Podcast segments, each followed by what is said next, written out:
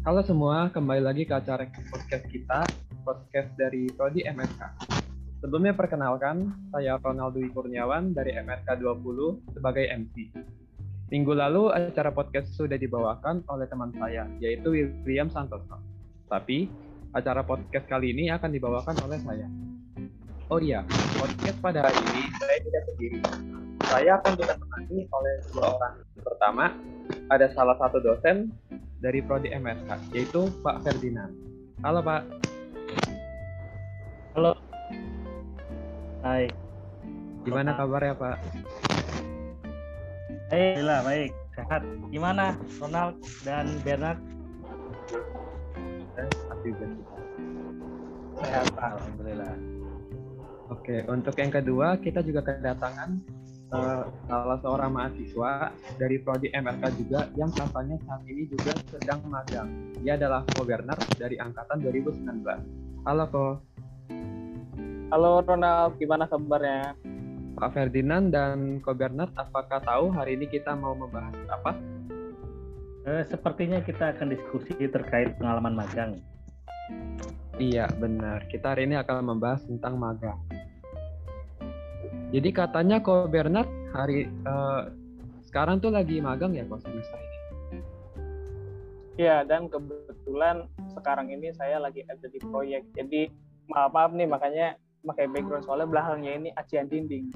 Oh, berarti pas banget ya emang. Iya. Mungkin bisa dijelasin sedikit mungkin ya, karena kan mungkin ada mahasiswa yang lagi denger ini cuma mungkin belum tahu magang itu terutama di kampus kita itu gimana sih kok?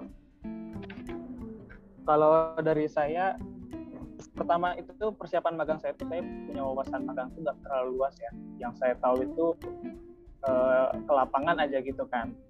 Akhirnya nyampe di sini, wah ternyata eh, pembuktian teori buku itu ada di lapangan gitu. Jadi eh, namanya teknik sipil lah kita juga harus tahu bagaimana situasi lapangan, bagaimana kondisi di sini gitu.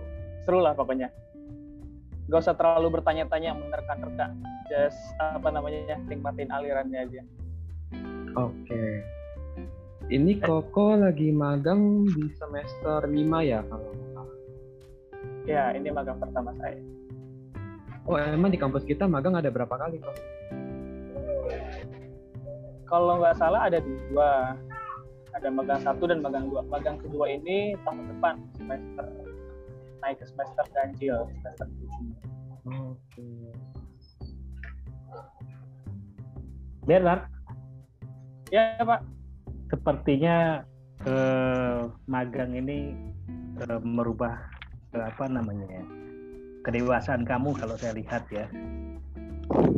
Betul, ya, gitu loh Ronald mungkin saya salah tapi saya melihat karena kan saya melihat perkembangan kamu di, di tingkat satu ya tingkat dua lebih dewasa. Nah eh, eh, apa benar tuh pendapat saya tuh?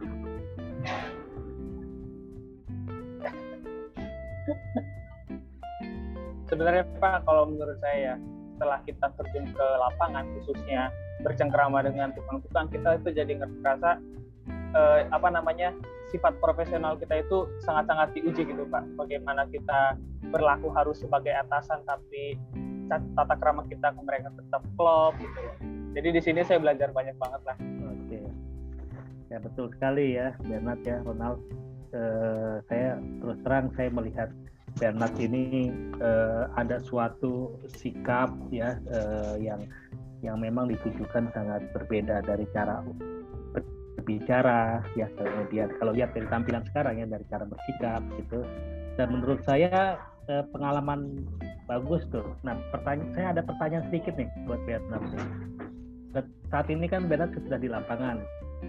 Eh, kondisi yang berbeda ya eh, terkait dengan kan pasti sekurang-kurangnya dalam dua tahun atau empat semester sudah belajar terkait dengan rekayasa konstruksi ya manajemen rekayasa konstruksi atau kalau di luar itu orang mengenalnya tekstil kalau di S1 tapi di kita tuh uh, sudah spesifik. Uh, perbedaan apa yang yang mencolok menurut Bernard uh, ketika dari bangku kuliah terus uh, cemplung gitu ke proyek? Apa perbedaan yang signifikan menurut Bernard mungkin teman-teman nanti adik-adik maba bisa bisa apa eh, mempelajari gitu. kalau menurut saya ini yang salah satu aja kalau di kampus kan eh, mungkin ada, tapi saya belum menerima ada ada bagaimana bagaimana tata tata kerama kita berbicara gitu loh apalagi dan karena menurut saya juga belum dapat meskipun ada mata kuliahnya. Namun di lapangan kita harus benar-benar menjaga agar situasi antara kita sebagai anak magang dengan para pekerja di lapangan itu cara ngobrolnya itu dapat gitu loh.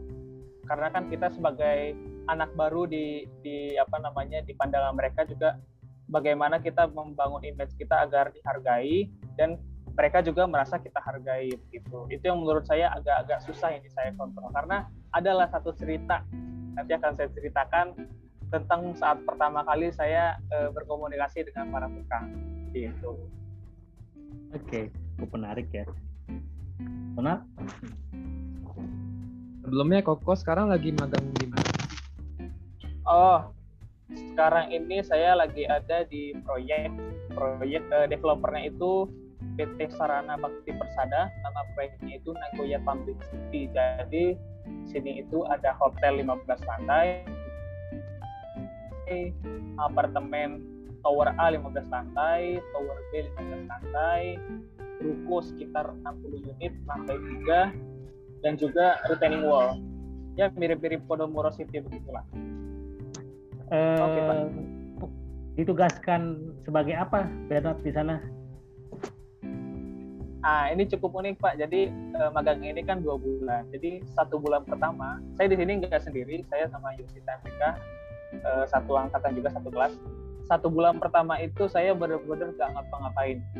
Hmm. Jadi selayaknya anak yang kehilangan rumah aja gitu Pak jadi kita ke sini udah bosan oh kita ke sana ke sini ke sana ke sini kan sampai akhirnya ada momennya di puncak aduh semua udah dijalani nih ngapain ya akhirnya saya coba memberikan memberanikan diri tanya ke project manager.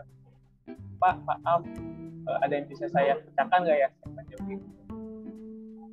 terus? Akhirnya beliau ajak saya oke okay, kamu ikut saya ya kita ke tower D sampai sana uh, coba kamu cek apakah balok ini sudah sesuai dengan DED itu gambar gambar dari konsultan baik dimensi maupun tulangan maupun tulangan sengkang.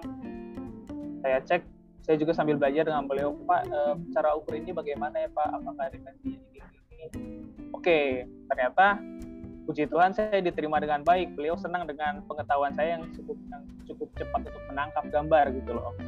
Cukup mengerti gambar dan lapangan. Akhirnya keesokan harinya saya sudah begitu sudah dilepas sudah diberi tanggung jawab. Nanti kamu cek ini nanti kamu cek ini. Jadi di di akhir minggu nanti saya lapor ke beliau. Pak eh, progres dari ini sudah bisa dilakukan pengeluaran. Sekian sekian sekian. Apa ya namanya ya? Mungkin asisten kali ya? Ya. Wah bagus tuh asisten PM jadi tadi saya tangkap berarti ada salah satu eh, kompetensi yang harus dimiliki eh, para mahasiswa magang yaitu bagaimana dia mampu menerjemahkan eh, bahasa gambar betul ya dari dari bahas dari gambar itu bisa diterjemahkan apa yang terpasang dan apa yang akan dilaksanakan.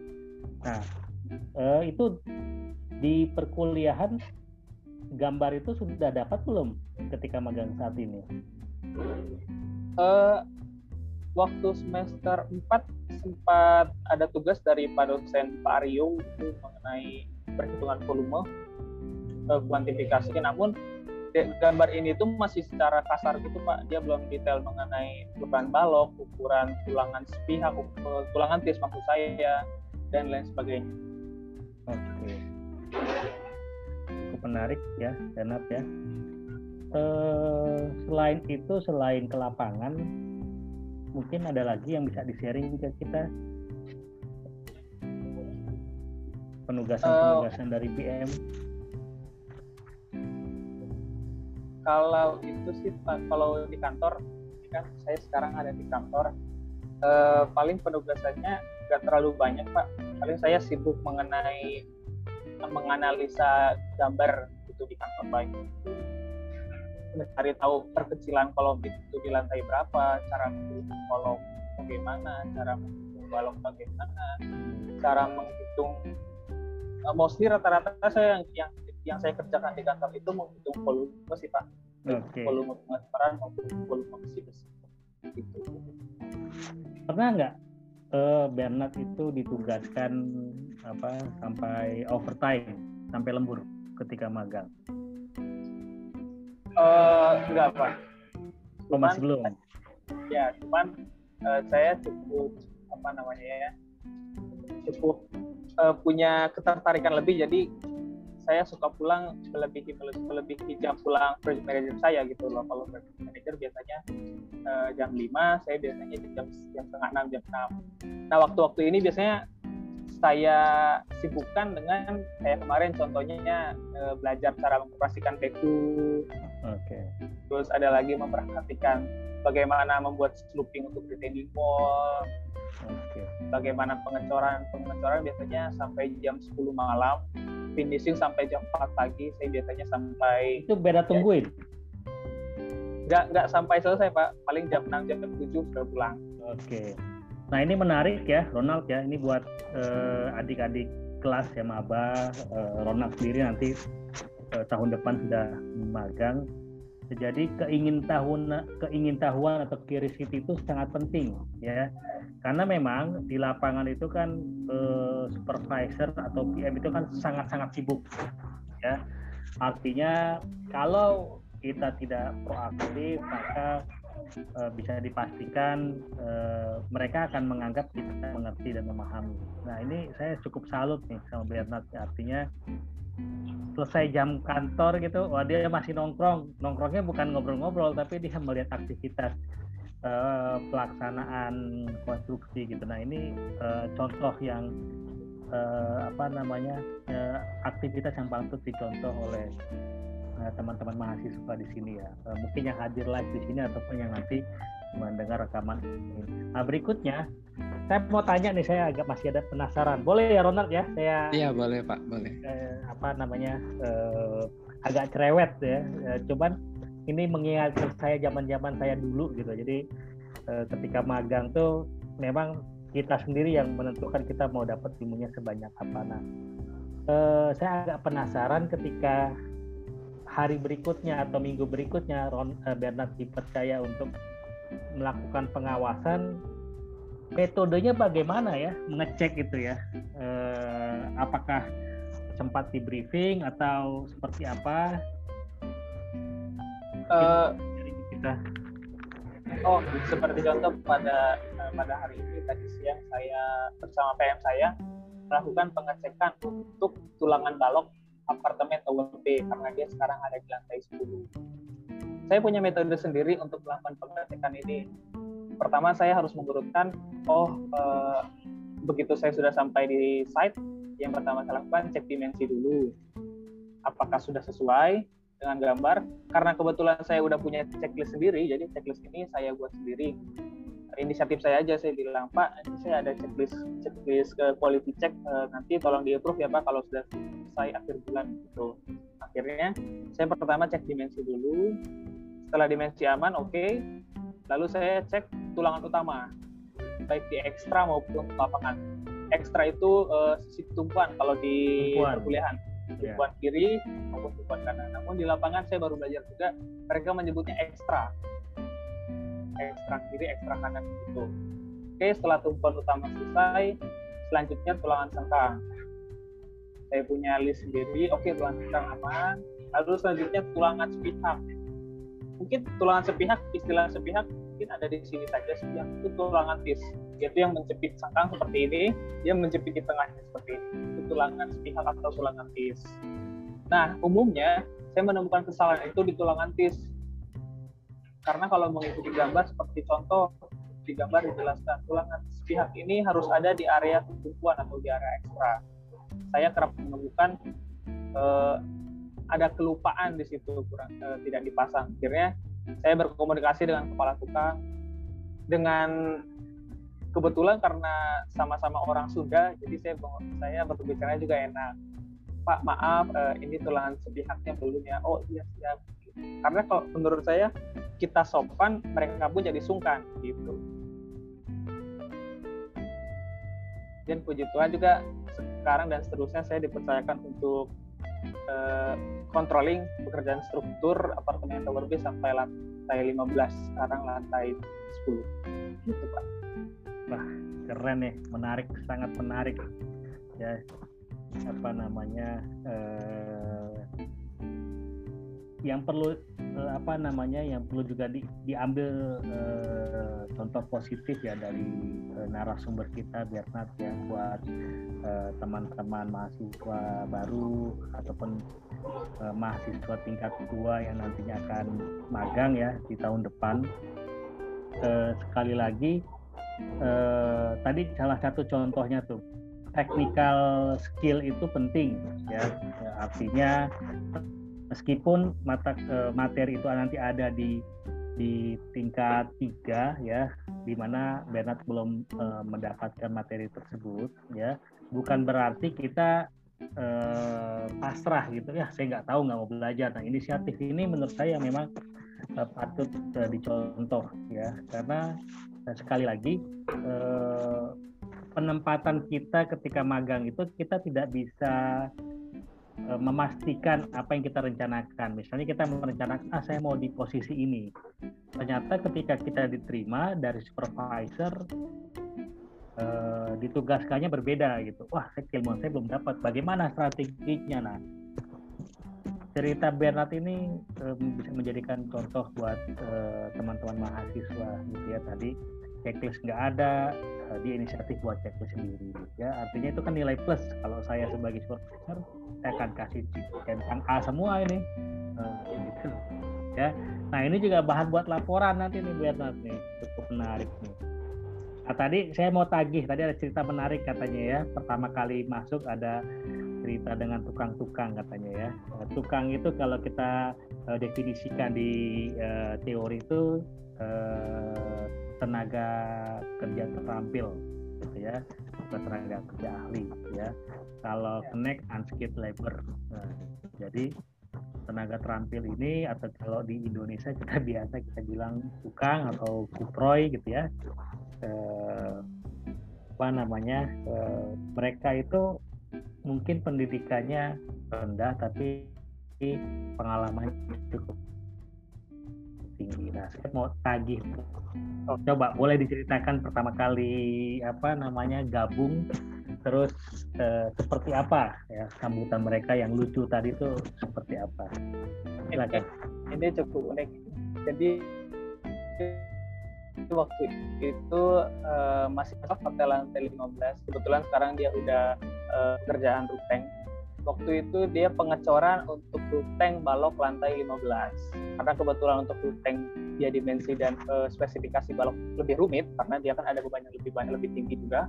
Di situ terdapat balok yang kompleks di mana harus terdapat tulangan sepihak tulangan piece dengan jumlah yang cukup banyak dan juga rotasi balok yang bertambah lebih banyak lagi tidak seperti lantai di bawahnya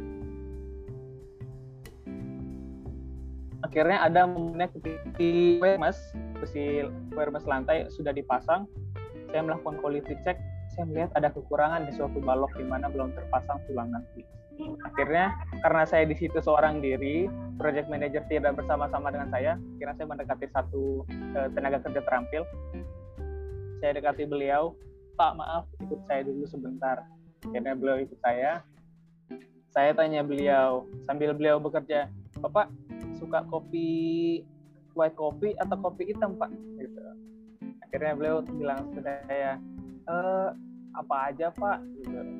Saya pertegas lagi yang bener pak suka kopi hitam atau kopi white coffee white coffee juga suka. Gitu. akhirnya saya bilang beliau oke okay, nanti uh, habis istirahat jam satu saya ke sini ya saya bawain white coffee oh iya siapa di situ dia senang. Saya juga, saya juga senang.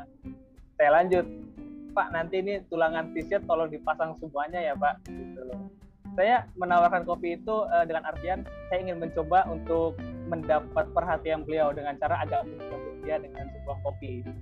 akhirnya setelah beliau tahu saya saya suruh dia untuk pasang tulangan tip ini muka beliau cukup sembrut dia cukup hete di situ saya lihat itu momen pertama saya berkomunikasi dengan uh, tenaga kesehatan di sini. nah tapi di, di, tetap diantar tidak kopinya tuh? Tetap pak.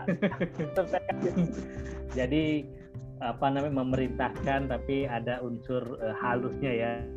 Ada ya, Nah itu lagi juga tuh ya. Artinya eh, trik-trik uh, seperti itu memang per, diperlukan di lapangan. Bukan ya bukan kita menyogok ya tapi setidak-tidaknya dengan kita uh, memberikan reward nggak seberapa. Memang itu tugas dia ya tapi dengan cara itu sangat sangat apa ya buat cara itu menurut saya sangat jeli gitu ya. Karena kalau kita bukan siapa-siapa kan orang nggak akan mau nurut gitu kan. Tapi dengan trik seperti itu itu oke okay banget tuh. Ronald silakan. Iya oke. Okay.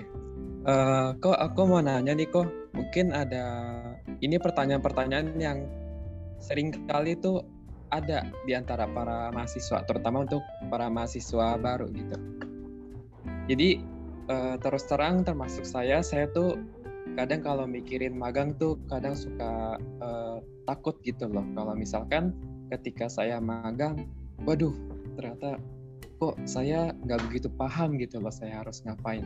Ada nggak sih kok nanti di tempat magang itu yang akan uh, megang kita atau ajarin kita gitu? Uh, ada momennya uh, saya kan sekarang semester 5 jadi selama semester 2, semester 3 sampai semester 4 itu tidak ada praktikum. Jadi pelajaran itu saya hanya tangkap melalui dengar dengar dengar dengar, saja.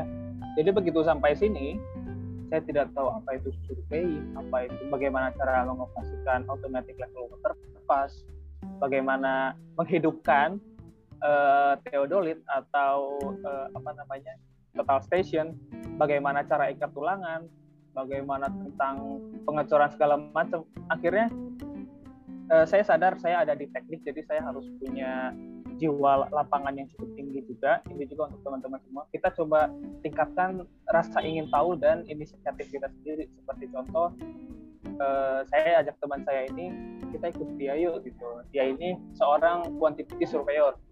Eh sorry maksud saya surveyor gitu loh. Jadi dia yang melakukan penembakan dari teodolit akhirnya saya uh, mendekati beliau.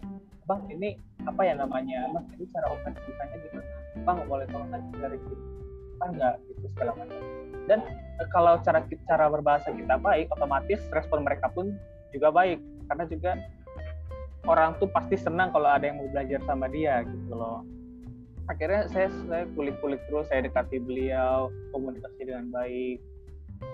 Tidak hanya sampai itu saya sudah merasa oke okay, saya sudah saya sudah cukup mengerti saya pengen belajar yang lain ah akhirnya saya waktu itu mendekati operator beku saya liatin dulu gitu kan saya pelajari bagaimana handle kanan beroperasi, bagaimana handle kiri beroperasi. Saya nggak ada basic sama sekali di situ. Akhirnya saya dekati beliau, saya belajar, oke okay, akhirnya bisa. Gitu. Jadi intinya inisiatif aja sih kita uh, deketin operatornya, karena nggak nggak melulu project manager itu uh, apa namanya mengarahkan kita, karena kesibukan dia juga dia punya kesibukan sendiri.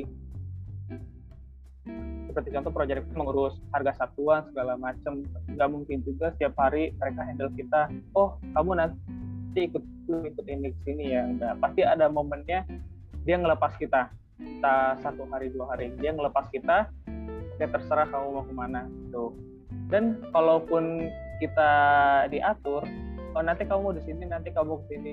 Kita coba tawarkan diri kita pak maaf pak uh, saya uh, bolehkah apakah saya boleh lihat proses surveying? Apakah saya boleh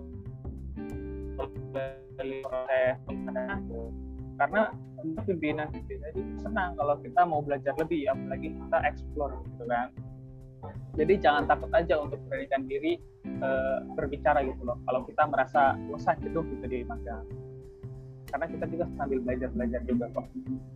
Saya juga ilmu lapangan saya itu bener-bener nol sebelum ada di sini. Ya sekarang satu lah. Berarti intinya harus bisa mandiri ya. Harus cari-cari ilmu sendiri mungkin tanya-tanya gimana. Lalu nyari ya. Ya untuk dikerjakan apa sendiri gitu. Iya, kita harus inisiatif aja sih. Karena orang lain juga kan punya pekerjaan sendiri. Kita nggak bisa bergantung dengan project manager atau supervisor atau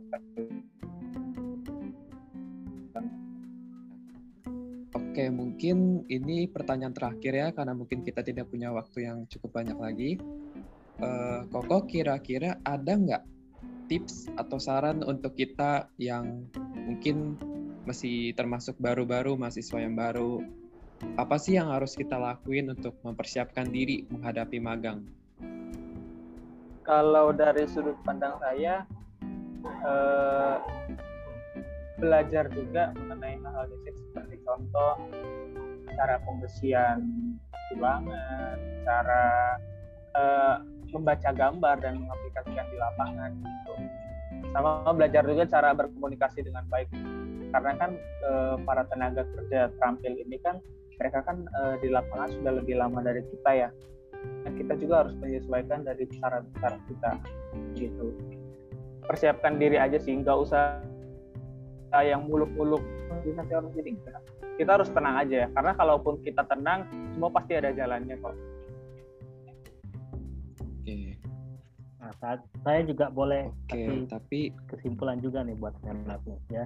Tadi ada satu kata kunci yang yang menurut saya tuh uh, harus dipegang oleh uh, teman-teman mahasiswa baru ya yaitu respect tadi. Karena bagaimana Bernard ini uh, memperlakukan uh, orang-orang di lapangan baik yang uh, selevel dengan dia, lebih tinggi dari dia, bahkan yang mungkin dari sisi tingkat pendidikan lebih rendah, namun respect itu yang menurut saya uh, sangat penting di lapangan dan Bernard itu contohkan uh, dengan sangat baik dari uh, pengalaman yang tadi disampaikan. Keren. Oke, silakan Ronald iya. closing mungkin atau apa. Oke, sebenarnya tuh topik magang hari ini tuh cukup seru ya. Maksudnya kan terutama untuk banyak mahasiswa tuh pasti banyak banget nih pertanyaan-pertanyaan yang mau ditanyain banyak tuh mahasiswa yang penasaran gitu masih penasaran tentang magang itu gimana. Tapi sayang sekali karena waktunya sudah habis, jadi mungkin akan saya tutup sampai sini saja. Sebelumnya saya ingin mengucapkan terima kasih lagi kepada Ko Bernard karena sudah mau membagikan pengalaman magangnya. Terima kasih juga untuk untuk Bapak Ferdinand karena sudah mau menemani saya selama podcast ini. Mungkin bisa saya ingatkan kembali ya untuk dua kata kunci yang menurut saya sangat penting pada podcast hari ini yaitu inisiatif dan juga respect kepada orang lain. Untuk kalian para pendengar, jangan lupa karena kita masih akan ada sesi podcast lagi di minggu depan. Jadi terus mengikuti podcast kita ini dan sampai bertemu lagi di lain waktu. Terima kasih.